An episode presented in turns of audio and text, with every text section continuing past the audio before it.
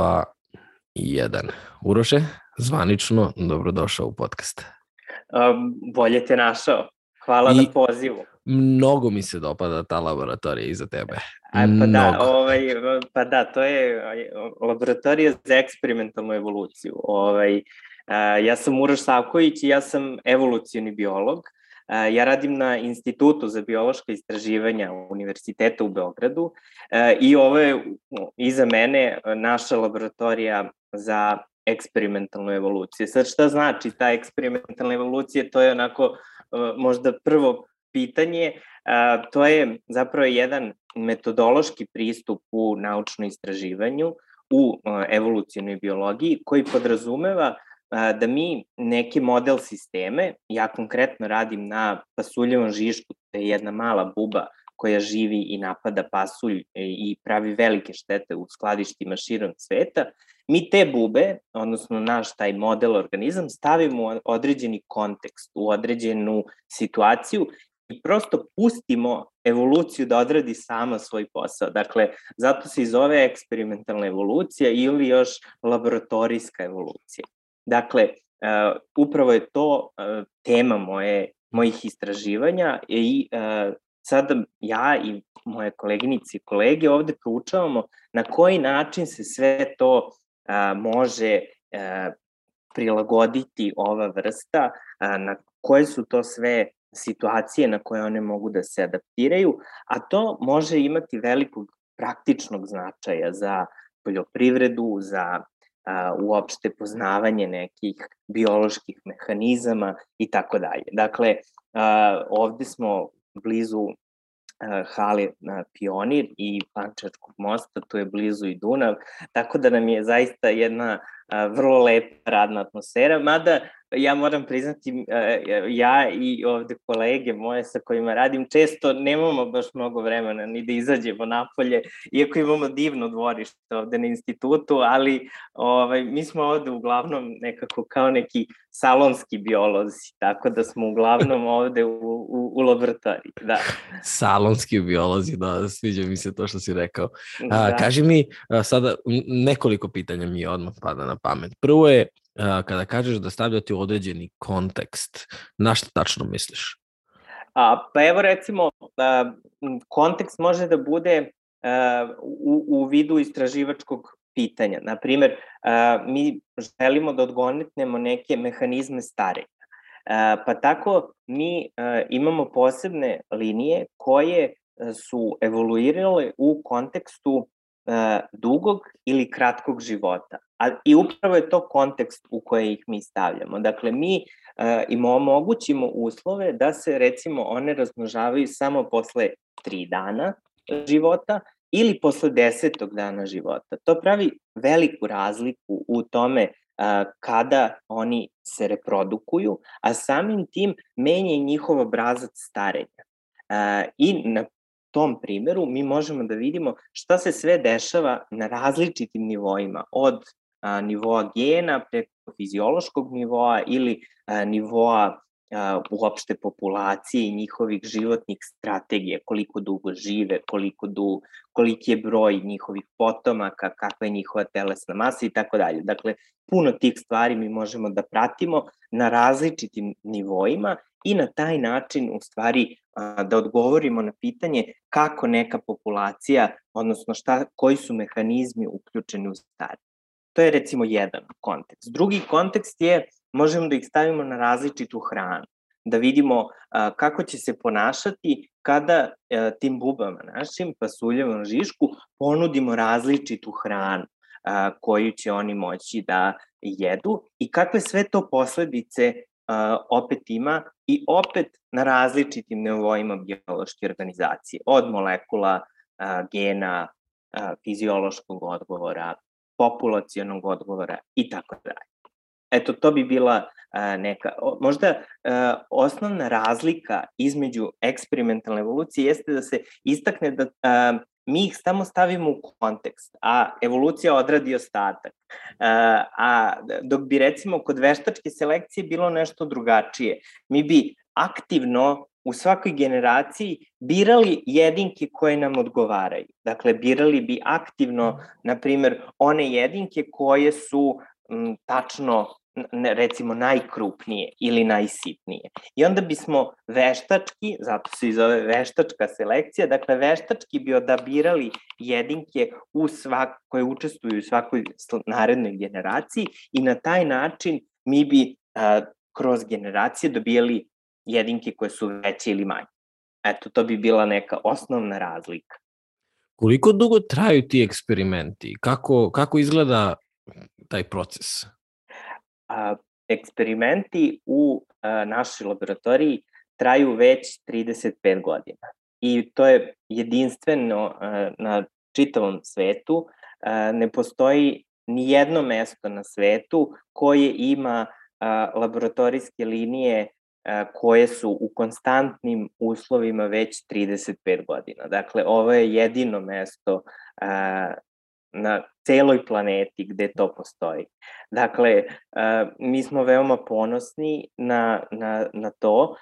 Istraživanja je započeo profesor Nikola Tucić, koji je bio univerzitetski profesor na Biološkom fakultetu u Beogradu, koji je imao viziju da osnaži eksperimentalnu evoluciju u Srbiji i on je i osnovao upravo te laboratorijske linije koje mi sada čuvamo, održavamo, ali i nastavljamo u novom pravcu, otkrivajući nove stvari, formirajući nove eksperimente, nove laboratorijske linije i populacije koje onda sa, danas recimo koristimo u istraživanjima. Dakle, razlika je u tome što često, na primer, mnoge laboratorije po svetu funkcionišu tako što vi dobijete neka sredstva, određeni grant i on traje određeno vreme. Dok ste tu, 3, 5 godina, 10 godina i tako dalje, onda dobijete novi grant pa se preselite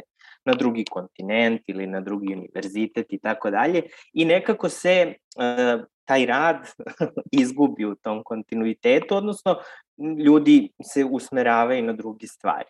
Ovde smo mi imali, uh, mogu da kažem zaista sreću, što smo imali na neki način kontinuitet, uh, što mislim da je strašno važno u nauci i uh, upravo iz tog kontinuiteta mi smo uh, dobili ovako vredne eksperimentalne linije na kojima mi danas radimo. A rezultate koje dobijate, da li, da li koriste samo ljudi u, i kompanije možda u Srbiji ili se to širom sveta sada, sada. Znam da naučni radovi se objavljuju i da to svako ima pristup. Da. Pa mi objavljujemo naučne radove, mi smo m, ovde naučnici, radimo ovaj istraživanja i m, zbog toga upravo mi imamo, uh, naša glavna publika jesu kolege naučnici širom sveta. A, što ne isključuje ovo drugu mogućnost saradnje sa i pre neke prakse i praktične primene, tako da svakako to jedno ne isključuje drugo. Ono što mi prvenstveno radimo jesu fundamentalna, odnosno osnovna istraživanja vezana za a, evolucijnu biologiju, a, tako da se mi uglavnom time bavimo. Ok, sada, jedan, uh, imam naredno pitanje, a već si mi dao jedan uh, deo tog odgovora, a to je da, da ste, uh, da provodite dosta vremena u toj prostoriji gde si ti sada. Kako izgleda tvoj dan? Kada dođeš, šta radiš? Pa, svaki dan je drugačiji, to je, a, a opet je nekako isti. To je vrlo zanimljivo, zato što E, vrlo je dinamično ovde kod nas u laboratoriji. Mi imamo puno i studenta a, kod nas. Naravno sad kako je ova korona, to je malo sad se nismo mogli da imamo studenta u tom broju, ali ovde kao u košnici, sad je kasno popodne, tako da se sada ta košnica baš i ne vidi, ali a, tokom nedelje je ovde vrlo živahno. Pa moj dan počinje tako što ja a, kad dođem na posao prvo pregledam šta u tom trenutku treba da uradim vezano za na, naše bubice, a, bilo da je to a, razmnožavanje za sledeću generaciju, stavljanje na nove jel tako, u, u nove tegle, pošto naši žižci žive onako u teglama a, sa pasuljem e, i znači to je neka rutina koja a, je nešto sa čim počnem dan. Zatim, kada imamo eksperiment, a, obavljam te zadatke, dakle izvodim eksperiment, šta je u pitanju sada, to konkretno zavisi od samog eksperimenta, da li je to neka analiza osobina životne istorije ili je rad na računaru analizirajući podatke ili je neko čitanje literature, uvek ima tu i nekog birokratskog posla koji mora da se obavi, moraju neki mailovi da se ugovore, ali ono što je recimo specifičnost baš konkretno ovog mog posla jeste kada je eksperiment u toku, bubice ne znaju da li je vikend, da li je praznik, da li je nekome rođendan, da li treba da se ide negde, tako da uh, o, ovo zaista često podrazumeva i, i upravo to, onako, rad i vikendom, bez nekog uh, ono, od 9 do 5 radnog vremena. Dakle, to, to se redko kada desi.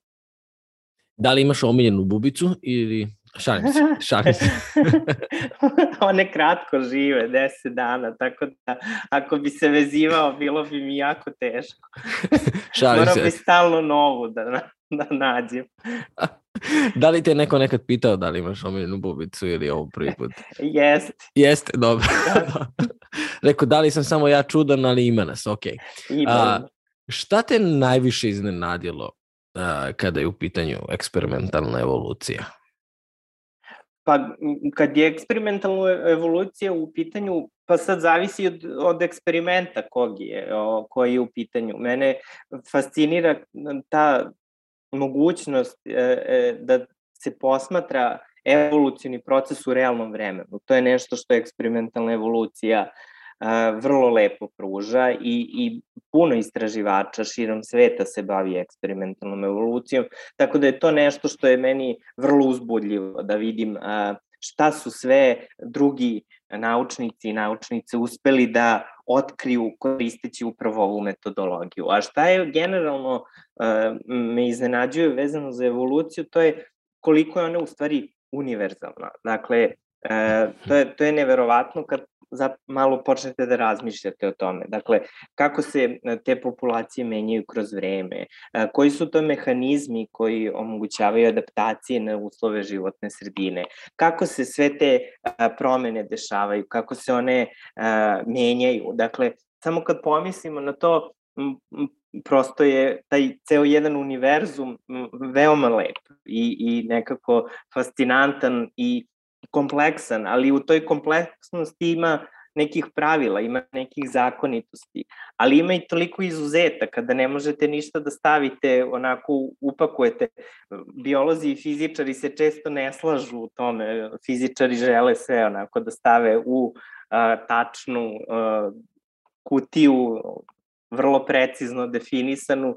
Kod biologa to nikad ne može da bude tako. Dakle, kod biolozi nemaju iste zakone ovaj, koje vlada i u, uh, i u fizici. Biologija ne poznaje tako rigidne strukture. Ovaj, tako da je to recimo meni zanimljivo. Onda mi je zanimljivo strašno i to me uvek uh, iznenađuje kako recimo neke forme organizama mogu da postanu tako e, na izgled slične, a da budu recimo vrlo udaljene na tom zajedničkom drvetu života. Naprimer, mlečiki i kaktusi. E, u, u uslovima sušne klime biljke su se adaptirale tako da imaju veoma sličnu formu, dakle tu neku a, stubičastu sa a, ovim bodljama umesto listova, A, iako mlečike i kaktusi jedni žive u Africi, drugi žive u Južnoj Americi, potpuno su geografski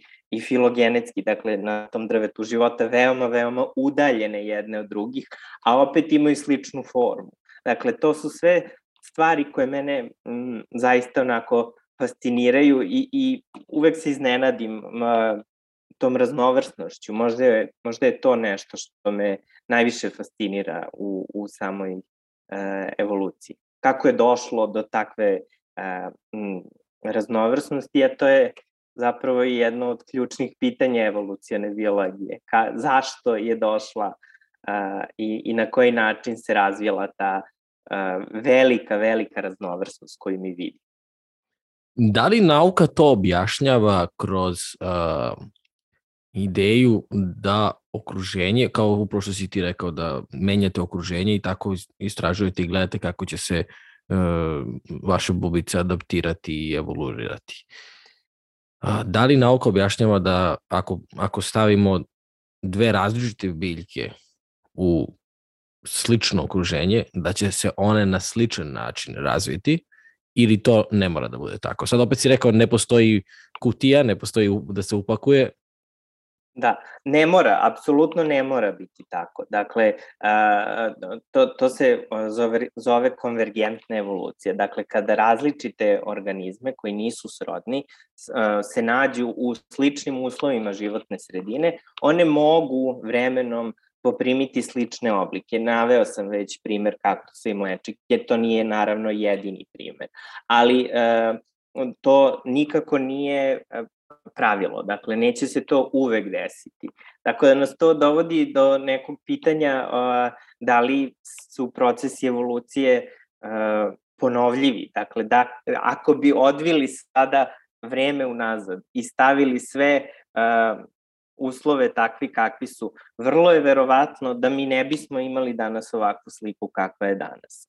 Zašto je to tako? Zato što u evoluciji, pored tih pravila, često potpuno slučajni događaji određuju dalji put evolucije života. Naprimer, sad ću možda biti malo tehnički, ali prihvatam taj rizik.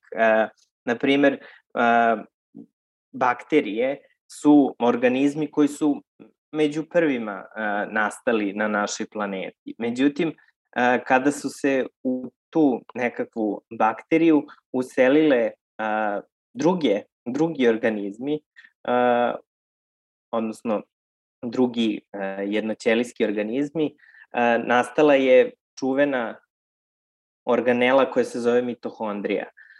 Mitohondrija proizvodi energiju u svim eukariotskim organizmima danas, međutim, taj događaj skoro sigurno je bio slučajnost.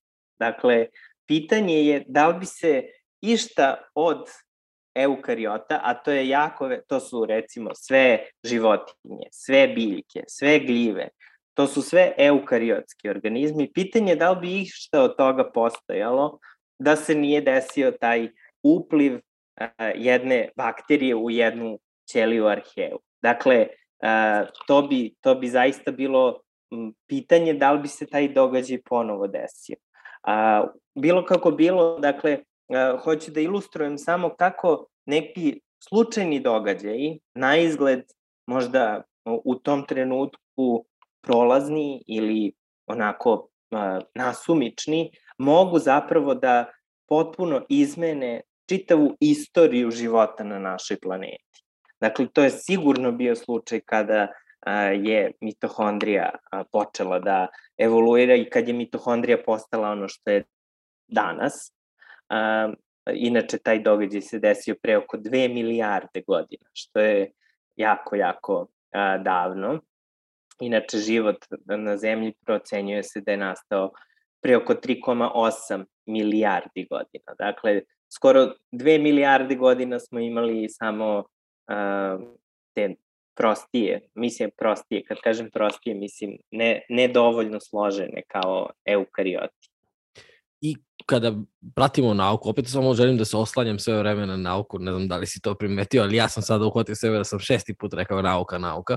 Ovaj, a, koji su to faktori i elementi koji su uticali na to da nakon toliko vremena gde su bili samo jednostavni, odnosno kako si ti rekao, prosti organizmi, da su krenuli da se grupišu i da se stvaraju mnogo komplikovaniji?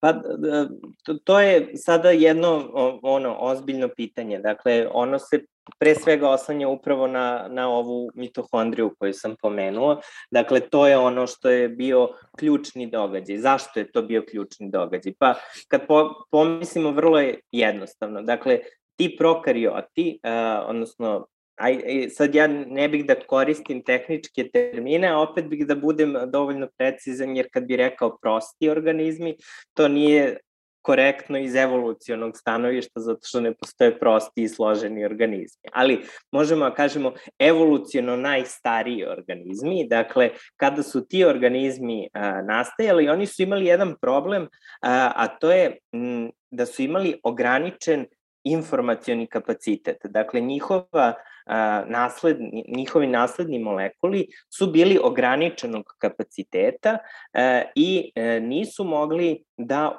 postanu veći. Zašto je to tako? Zato što to je kao neki hard disk, dakle te informa DNK molekul, na primer, i ukupan broj tih informacija koje inf DNK molekul može da nosi je kao hard disk. I sada a, možemo da zamislimo da su ti a, prokariotski organizmi u davnoj našoj prošlosti imali ograničen kapacitet. A, oni su samim tim a, imali i zato što su zahtevi za energijom bili ograničeni, odnosno nisu mogli da se dovoljno umnože i tako dalje, nisu imali dovoljno energije, oni samim tim nisu ni mogli da budu nešto posebno složeniji. E sad, na tu scenu stupa a, jedan događaj kada je prokariot pokušao da pojede neku drugu a, bakteriju i nije baš uspeo da je skroz stvari ona je ušla u tu ćeliju e, i došlo je do jedne vrste saradnje, nekakve simbioze između tih organizama i zapravo tako je nastala mitohondrija. Mitohondrija proizvodi energiju, a ta energija pruža kapacitet da se poveća informacioni sadržaj u nekoj ćeliji. Drugim rečima, oni su upgradeovali svoj hard disk povećali su kapacitet i samim tim bili su komotniji mogli su mnogo više energije da ulože u neke druge stvari i da onda imaju snage, imaju energetski kapacitet da, ne znam, a, počnu da a, se bolje kreću, pa da krenu da se umnožavaju, da više ćelija odjednom može da pravi nekakve primitivne zajednice, kolonije i tako dalje i tako dalje. Dakle, to je bio neki put koji e, nas je doveo eventualno na početci, na, u korenu tog našeg e, drveta života. Koju teoriju misliš da je, misliš da je nemoguće dokazati u, u ovom trenutku? Pa ovako, e, prvo, naučne teorije e, se zovu naučne teorije zato što one imaju iza sebe korpus naučnih činjenica, saznanja, hipoteza, eksperimenata koji u stvari zajedno čine jednu naučnu teoriju. Tako da kad kažemo naučna teorija, zapravo mi imamo nešto što je već dokazano. Dakle, to je, to je velika razlika. E sad, kako oboriti jednu naučnu teoriju, to je možda pravo pitanje. Dakle, svaka naučna teorija može biti oborena. E sad, i zato je nauka divna jer ona je uvek kritična i ona uvek preispituje svoja saznanja. Da li je neka teorija dobra, zavisi od toga kako je ta neka teorija uopšte formulisana. A, ona se formuliše na osnovu tada dostupnih činjenica koji opisuju nekakav svet koji nas okružuje. Dakle, kada kažem naučna teorija, ja ću ovde da se malo ipak suzim i da pričam o naučnim teorijama vezanim za prirodne nauke. Dakle, jer postoje naravno i, i uh, neke druge teorije o kojima ja nisam kompetentan uh, da govorim. Ali ja ću ovde pre svega da pričam o naučnim teorijama u prirodnim naukama. A, dakle, one, a, te, te naučne teorije imaju skup saznanja koje stoje iza određenih a, tvrdnji koje te teorije a, postuliraju.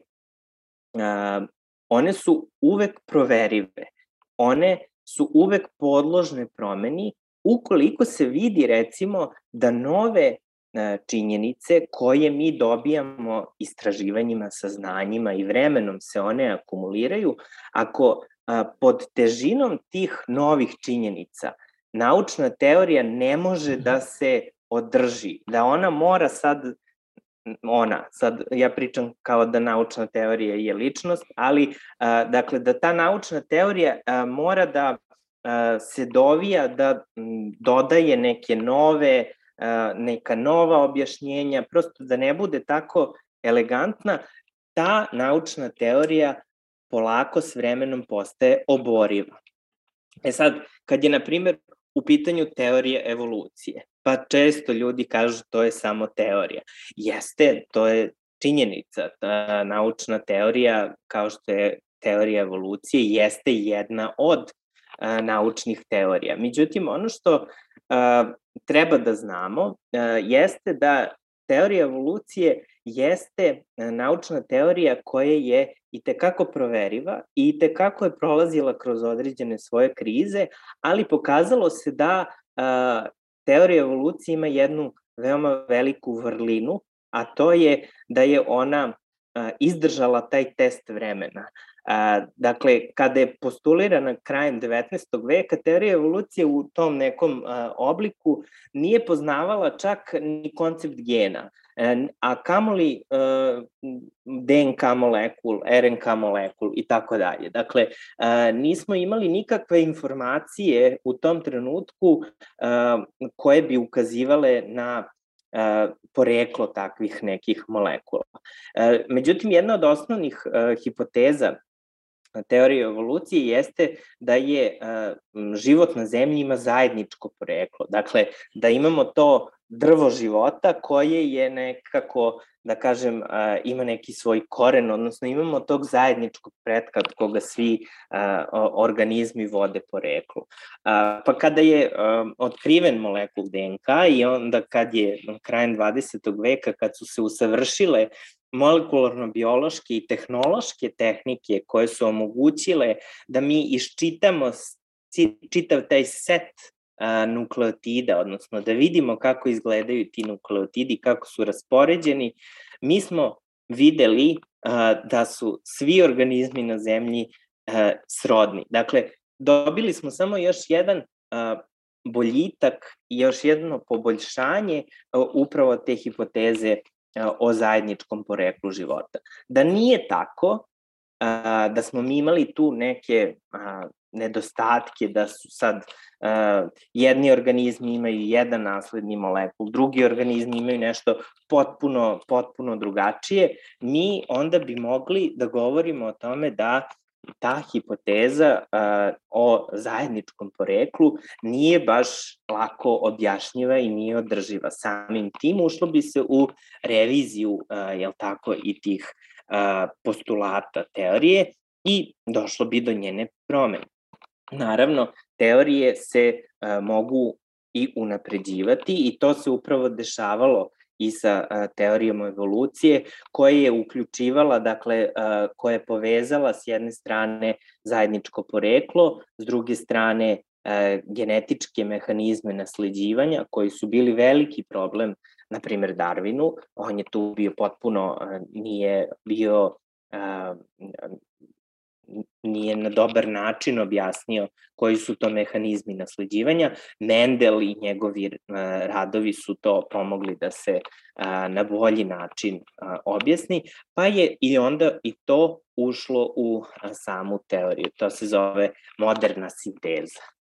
A danas savremena evoluciona biologija sve više uključuje procese koji se dešavaju na nivou razvića, kako bi stekli jednu, da kažem, kompletnu sliku od toga nasleđivanja, onda razvića i zatim odnosa jedinke i životne sredine sa druge strane. Dakle, i to se zove eko, evo, devo koncept. Dakle, ekologija, odnosno životna sredina koja okružuje organizme, evolucija i nasleđivanje i devo od e, development, odnosno od razviće samog organizma. Dakle, te, ta tri kruga kada se spoje daju jedan Veneov diagram u kome u sredini zapravo imamo objašnjenja savremene, savremenih tendencija u evolucijnoj biologiji.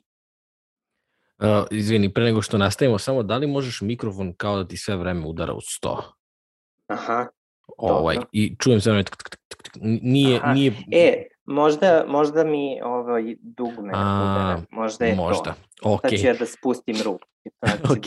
O, kako, kako god ti je lakše, samo ako možeš da važi, obratiš važi. pažnju, ali to je da, to. Da, da, da. Uh, sad ja, bolje?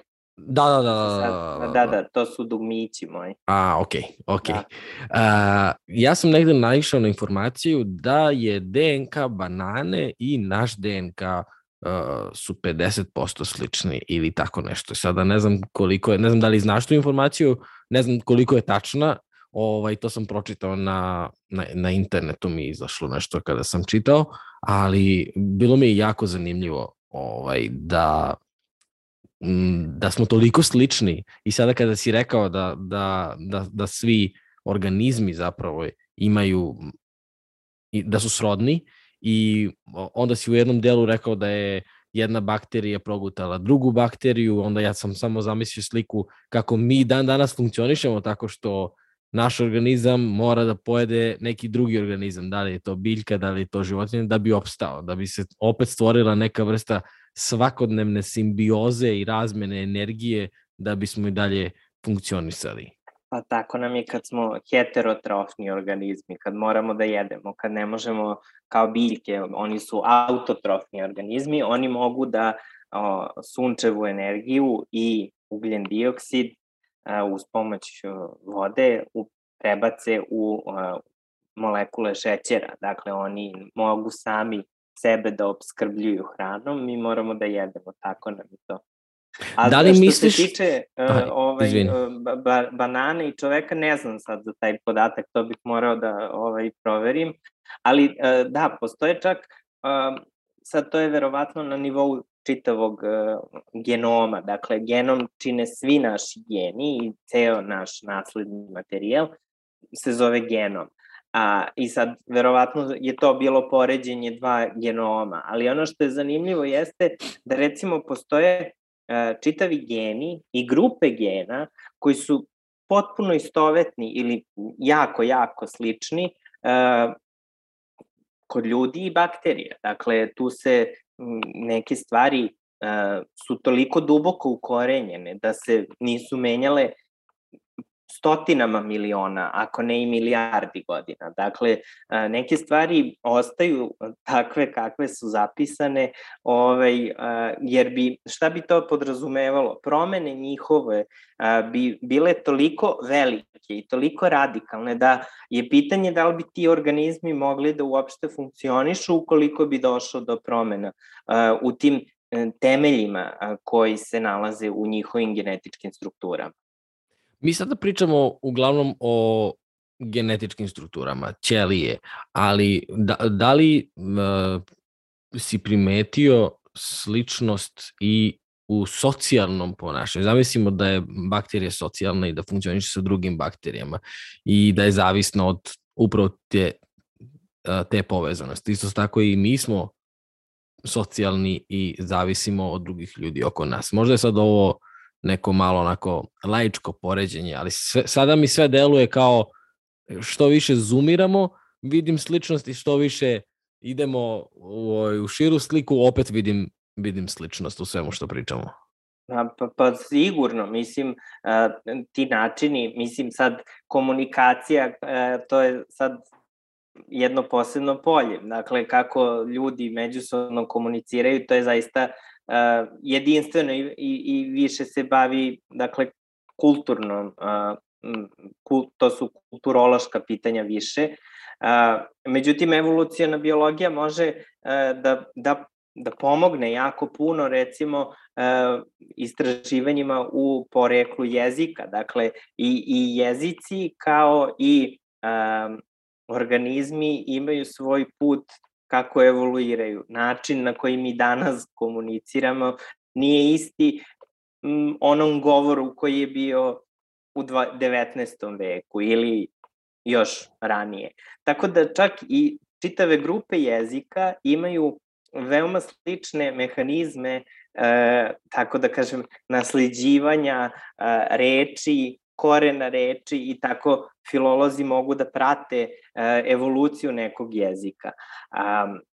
A kada um, govorimo o komunikaciji između, na primer, e, različitih e, bakterija ili jednoćelijskih organizama, tu svakako postoje isto posebni molekulski putevi, neke osnove molekulske koje omogućavaju tim bakterijama da recimo istraže svoju neposrednu okolinu, da vide gde je hrana, gde mogu da nađu te svoje resurse koji su njima potrebni. Tako da e, svi organizmi imaju načine na koji o, komuniciraju sa spoljašnjim svetom. Pa tako, dakle, ni, ni, mi smo tu zaista izuzetak jer imamo a, mogućnosti da to sada i nekako pamtimo i, i, i, i civilizacijski da se a, ti svi zapisi očuvaju, ali a, da, to je svakako jedinstveno kod, kod ljudi. Uh, imam pitanje vezano za uh, evoluciju čoveka.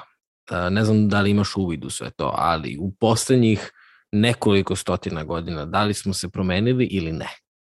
Sad je to odlično pitanje, ali ono o, podrazumeva malo obrazloženje. Dakle, a, ljudi, a, naravno, biološki i dalje evoluiraju. A, ono što je fenomen kod ljudi jeste nešto što se zove kulturološka evolucija.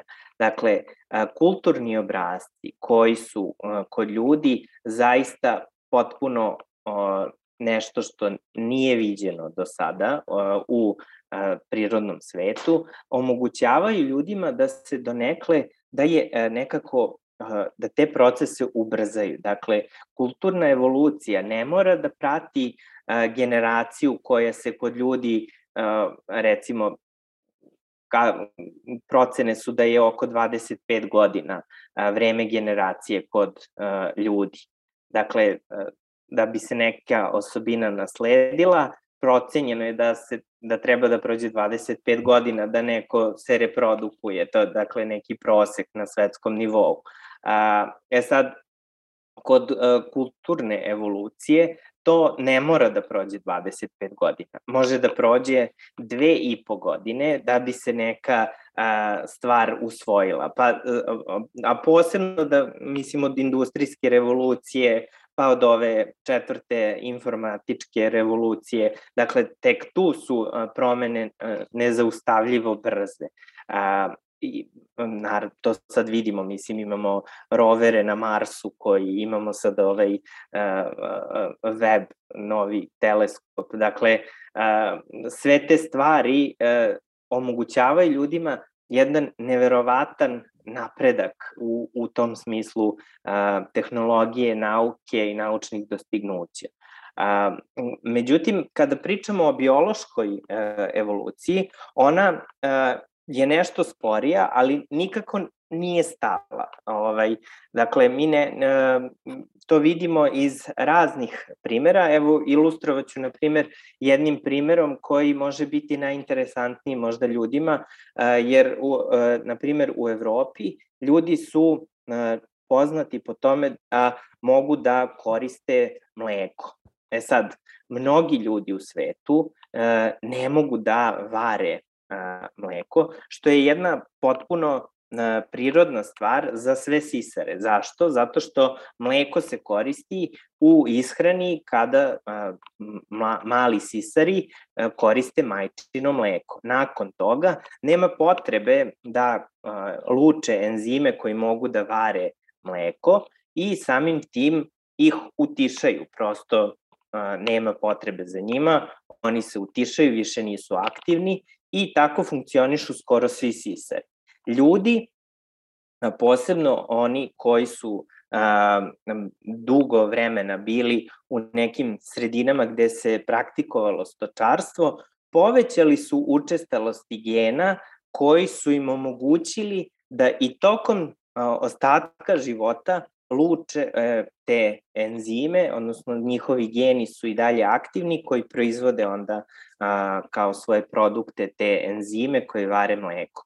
Pa tako možemo da vidimo e, kada uzmemo evropski kontinent od severa ka jugu, mi možemo da vidimo da na severu Evrope taj procenat ljudi koji može da koristi a, mleko je preko 95%, dok na jugu Evrope, na primjer na Siciliji, svega 10% ljudi može da koristi a, sirovo mleko u svojoj ishrani.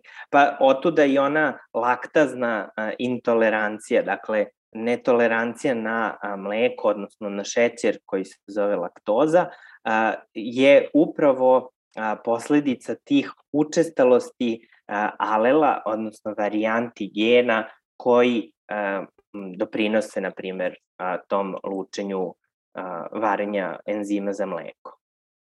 Znači nisu samo senzitivni, zapravo tu ima i objašnjenje biološko. Ok, ja sam mislio da su malo onako kao slabiji, znaš, da ne, da ne opsujem sada.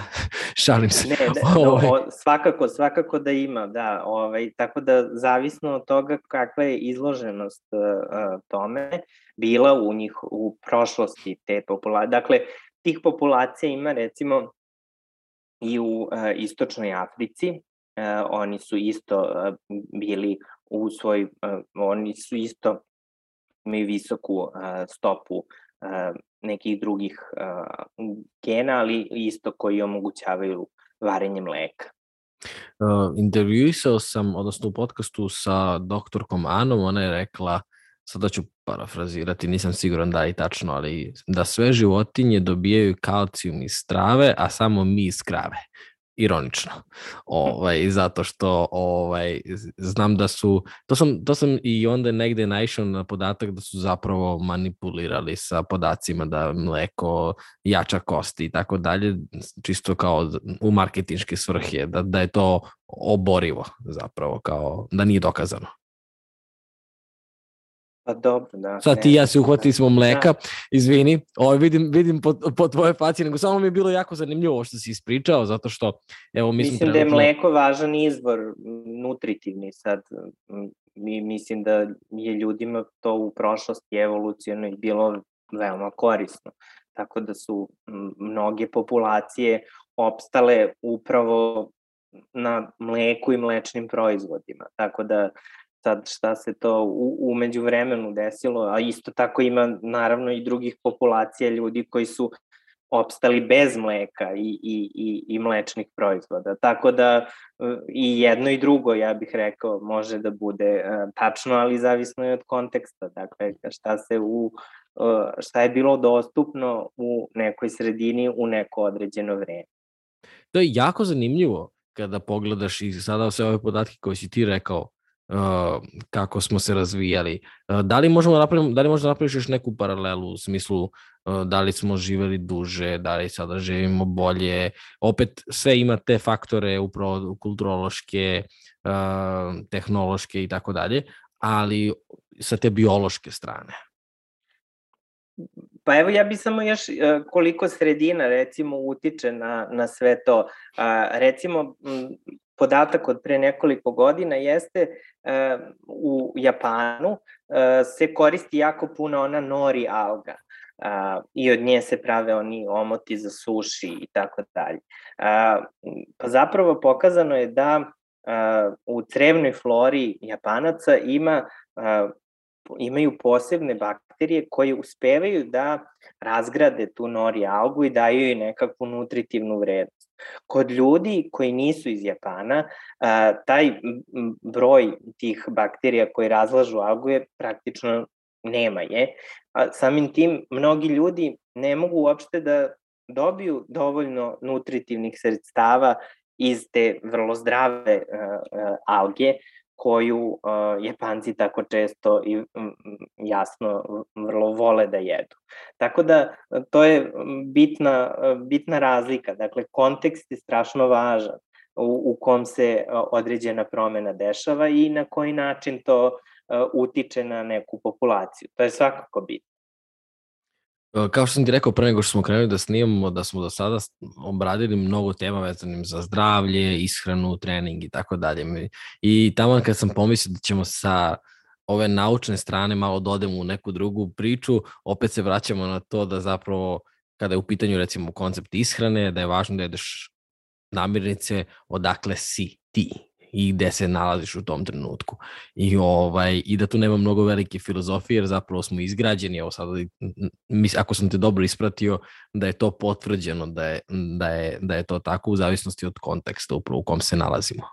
Jeste, da, pa to je ja isto mislim vrlo bitno. Mislim sad kako uh, naravno, mislim, mi, to, to ne isključuje mogućnost da ti možeš da jedeš neke druge stvari koje su, jel tako, van onog gde si ti odrastao, naravno, ali i, i da neće to nužno biti loše po tebe, ali prosto je, ovaj, eto, za neke stvari vrlo specifično to. Hoćeš da pričamo o nekim zabludama koje još imamo vezanim baš za... Uh... O, da, može, to je moja omiljena tema. Jel da? Da, da, da, da. Pa za zablude u evoluciji, pa ima ih onoliko, ja ne znam odakle da počnem. koja ti je... Koja ti je Stvarno uh, ne znam odakle da počnem. Koja je najučestalija u smislu da te najviše ljudi pitaju da li je to, to ti kažeš, oh, znaš ono kad preveneš očima u sebi kao nećeš da uvrediš nekoga, kao to nije to zapravo.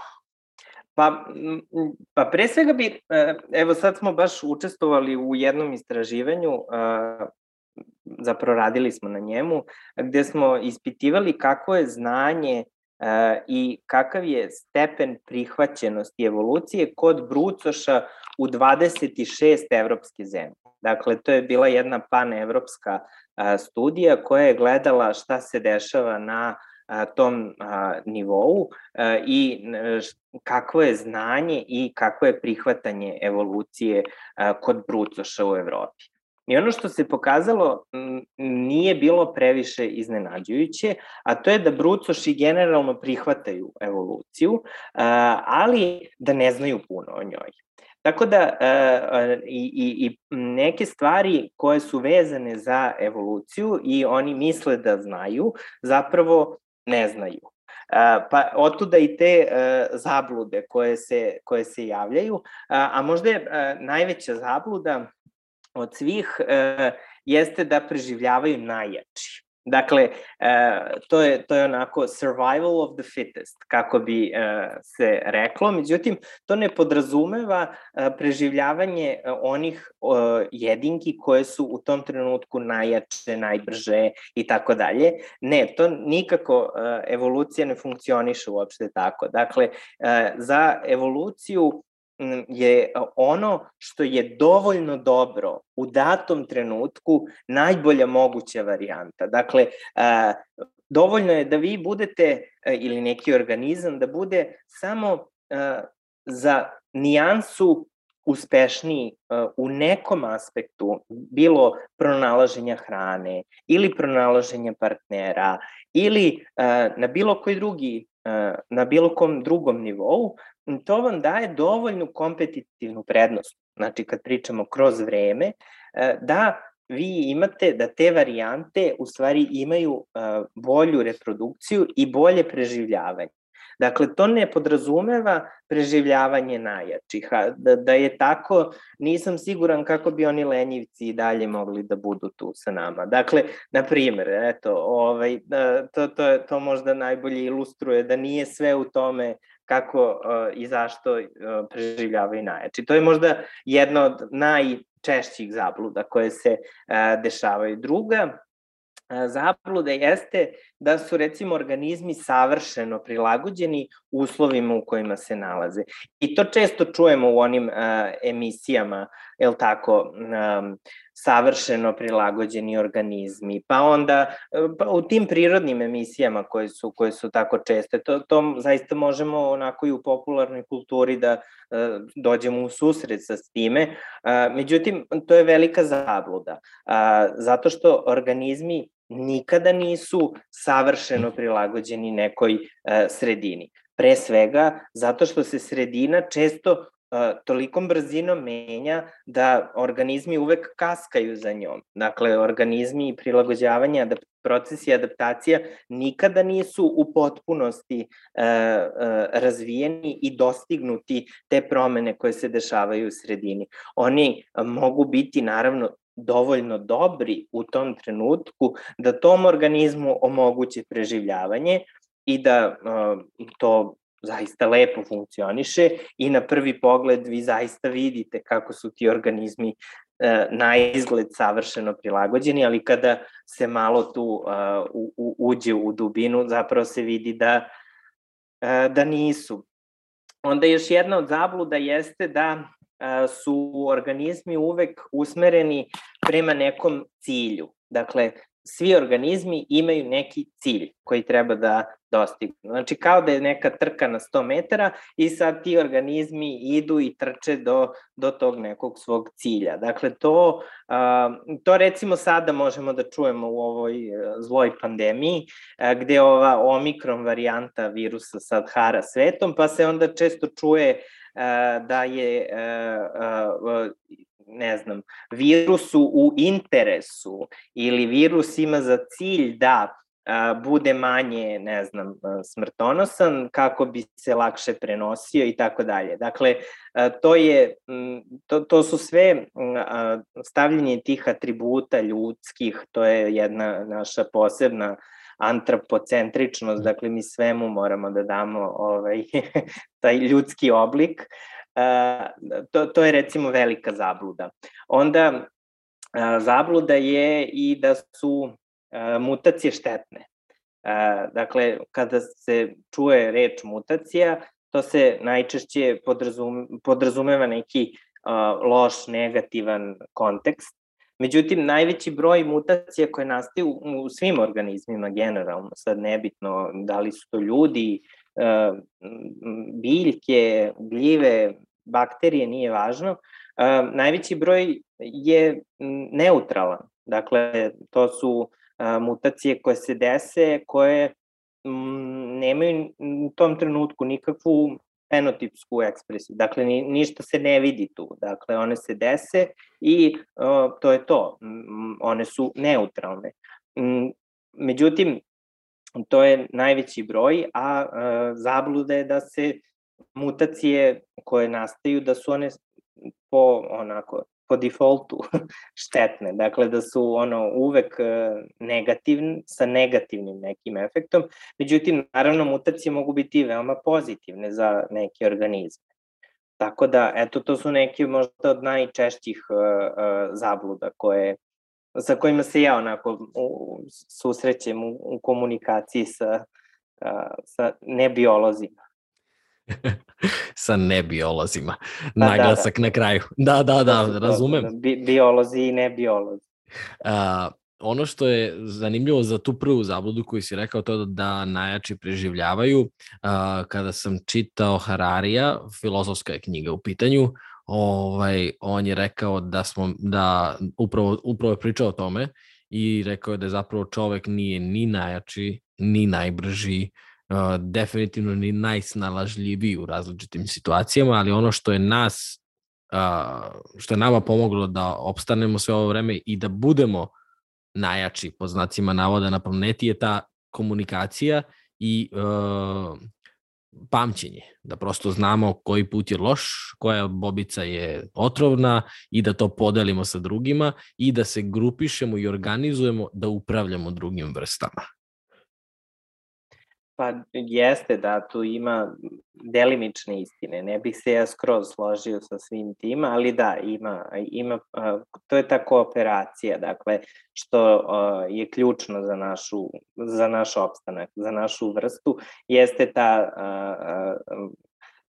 mogućnost da sarađujemo u grupi. Koliko god to nama sad možda u nekim situacijama ne delovalo tako, ali mi zaista uspevamo da mnoge situacije rešimo e, na, na efikasne načine i da kroz tu komunikaciju i prenos znanja, to je isto vrlo bitan a, moment, uspevamo da se a, prilagodimo različitim a, a, sredinama. Dakle, mi smo uspeli da našu a, da, da proširimo naš fenotip, ajde tako da, ga, da, tako da kažem. Dakle, mi nismo samo biološki entiteti, nego mi sad imamo mogućnost i da ne znam, imamo garderobu pa možemo se obučemo adekvatno izađemo napolje. Dakle, mi proširujemo stvari koje nalazimo u našoj sredini i nekako ih grupišemo oko sebe kako bi povećali svoj, svoje šanse za preživljavanje. Dakle, to je, to je nešto što se zove prošireni fenotip. Kaži mi, rekao si da se ne bi baš tačno slo, skroz složio s ovim što, što sam pomenuo, uh, samo sam parafrazirao opet. Da, da, da. Pa ne bi se složio da, da nismo baš snalažljivi. Ja, ja bih rekao da je to jedna od naših najupečatljivijih karakteristika kao, našu, kao naše vrste. Sa tim se ne bi složio. Možda sam to samo onako kao dodao, sad znaš kao pokušavam da, da, da, ne, da ne bude sad kao da sam nešto protiv Hararija, pošto mi je on jedan od omiljenih. Mislim da je, da, slažem se sa tobom zapravo, mislim da je sna, pa snalažljivost jeste odlika inteligencije, da, da se što brže snađeš u novoj situaciji. Uh, I yes. ovaj, ima smisla, ima dosta smisla. Uh, pitao sam te uh, o zabludama, pitao sam te o teorijama koje možda i nisu kako treba. Da li postoje neki odgovori uh, na koje nauka ne može da odgovori u ovom trenutku? Ili pitanja na koje nauka ne može da da odgovor, ajde da tako kažem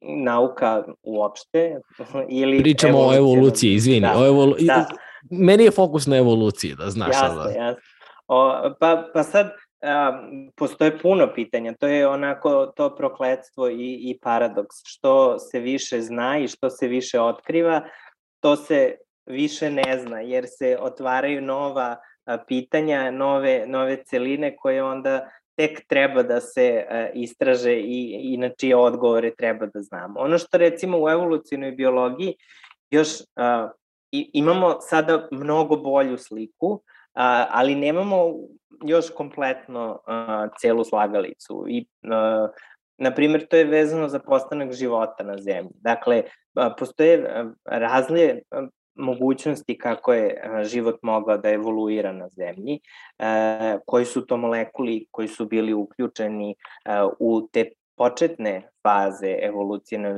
života na zemlji. Međutim, i danas znamo za nešto što se zove hidrotermalni izvor ili vent. To su oni crni, uh, jel tako, kao neki ođaci na dnu okeana, koji uh, zapravo omogućavaju da dođe do nekakve uh, sinteze prvih tih pramolekula. Dakle, pretpostavlja se da su upravo to bile lokacije gde su uh, nastajali prvi primitivni a, e, i veoma drevni organizmi na našoj planeti, iz više razloga, zato što su te komorice unutar tih hidrotermalnih izvora ili ventova porozne, imaju različite neorganske materije, s druge strane imaju dovoljno toplote iz jel tako, tih geo izvora i samim tim veliki priliv organskih molekula cijanida, metana, ugljen dioksida i tako dalje i sve to u jednoj formi tih poroznih komorica koje su služile kao motači da se ta jedinjenja ne rasprše po tom okeanu.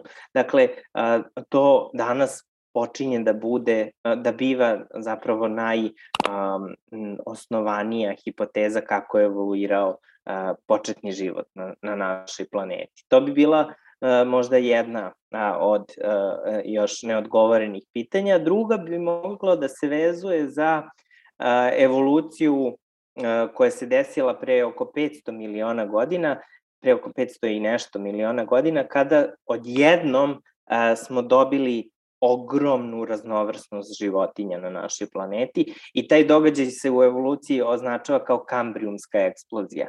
Koji su sve to a, a, mehanizmi bili uključeni, šta se sve dešavalo uh, u tim uh, fazama, uh, mi dalje nedovoljno uh, dobro znamo. Znamo više nego što smo znali pre 50 godina, ali taj događaj jeste nešto što je jako važno za evolucijone biologe, jer praktično tada, su nastale, tada, su, tada je nastala raznovrsnost skoro svih grupa životinja koje mi danas možemo neke od njih i dalje da vidimo.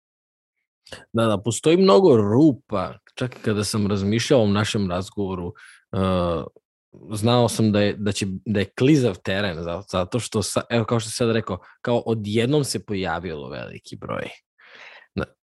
Da. Da, da, pa to je, jeste, to je onako uvreženo mišljenje da se odjednom pojavilo. Međutim, poslednje istraživanje pokazuje da ipak je ta ta raznovrsnost bila postepena. To što mi imamo sreće pa smo kao naučnici uopšteno našli nekoliko lokaliteta na kojima se vidi ta raznovrsnost, to ne znači da je ona tako odjednom nastala. Kad ja kažem odjednom, uh, ja pričam o recimo 5 miliona godina. Dakle, to nije odjednom danas pa sutra, nego odjednom u tom geološkom vremenu. Dakle, 5 miliona godina nije ništa, mislim, kada, kada posmatramo koliko je zemlja uh, stara.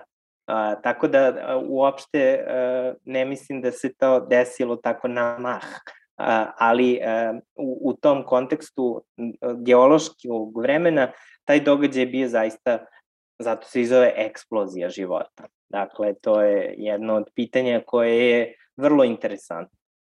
Jedno od pitanja koje mene muči je to, uh, sada ću ga postaviti opet laički, ali kroz primer, zato što je jedini način kako ja sad to mogu da smislim u ovom trenutku, a to je da je čovek nastao od majmuna i ono što mene muči je zašto su majmuni koje danas vidimo odlučili da ostanu majmuni i da li su oni izgledali kao takvi majmuni i ranije, pa su sada zadržali taj oblik ili su se i majmuni promenili u odnosu. I da li će današnji majmuni postati neki, čove, neki ljudi kasnije? Da, pa to, je, to jeste je isto jedna od ovaj, e, čestih zabluda u evoluciji, a ona e, je posledica toga što e, se smatra da jedinke evoluiraju. Dakle, jedinke po pravilu ne evoluiraju i zato šimpanza u zološkom vrtu nikada neće postati čovek, jel tako? Zato što ona nema kapacitet za to. A, već u, u evoluciji mi uh, baratamo populacijama. Dakle, populacija je jedinica uh, koja uh, evoluira. Dakle, grupa jedinki koje stupa u reproduktivne odnose i interaguje sa životnom sredinom. Dakle, samo te jedinice, odnosno te grupacije imaju potencijal da e, evoluiraju. Kada je u pitanju e, da li e, je čovek nastao od majmuna, odgovor je ne. Čovek nije nastao od majmuna, već postoji zajednički predak majmuna i čoveka. Dakle, u toj e, evolucionoj liniji koja se dešavala um, u, u verovatno istočnoj Africi, došlo je u jednom trenutku do razdvajanja te dve evolucione linije i mi na evolucionoj grani koja je vodila ka ljudima imamo čitav niz različitih vrsta dok nismo na kraju pre oko 200 i nešto hiljada godina došli do anatomski savremenih ljudi koje zovemo homo sapiens sapiens. Dakle, taj put uh, od uh, uh, um, razdvajanja linije koje je vodila šimpanzama koji su naši najbliži srodnici i pretpostavljam da su to majmuni na koje misliš, do anatomski savremenih ljudi trajao je više miliona godina. Dakle, nije se to desilo tek tako i odjednom. Dakle, prošlo je jako puno vremena dok ljudi nisu poprimili formu koju i danas imaju. E, hvala ti, na, hvala ti na ovom odgovoru. Malo sam razočaran da majmuni koji su danas majmuni neće biti ljudi, ali dobro, nema, šalim se. A šalim možda, se. Ljudi, možda ljudi postanu majmuni. nikad se ne zna, pazi, nikad se ne zna. Uh, Ovaj, eh, hvala ti puno na, na današnjem razgovoru. hvala ti na svim informacijama koje si podelio. Zaista nisam imao apsolutnu ideju u kom pravcu će sve da krene i sa eksperimentalnom evolucijom sam se upoznao na, ovaj, na jedan fantastičan način, ako iz prve ruke od nekoga ko, ko praktikuje, ko istražuje, ko radi i ovaj, mnogo ti hvala, zaista, zaista cenim što si odvojio vreme da pričaš sa, sa mnom i sa nama u podcastu. Hvala tebi na pozivu i zaista mi je bilo ovaj, veliko zadovoljstvo. Hvala puno i svima koji ste slušali i gledali podcast. Vidimo se sledeći put. Ćao.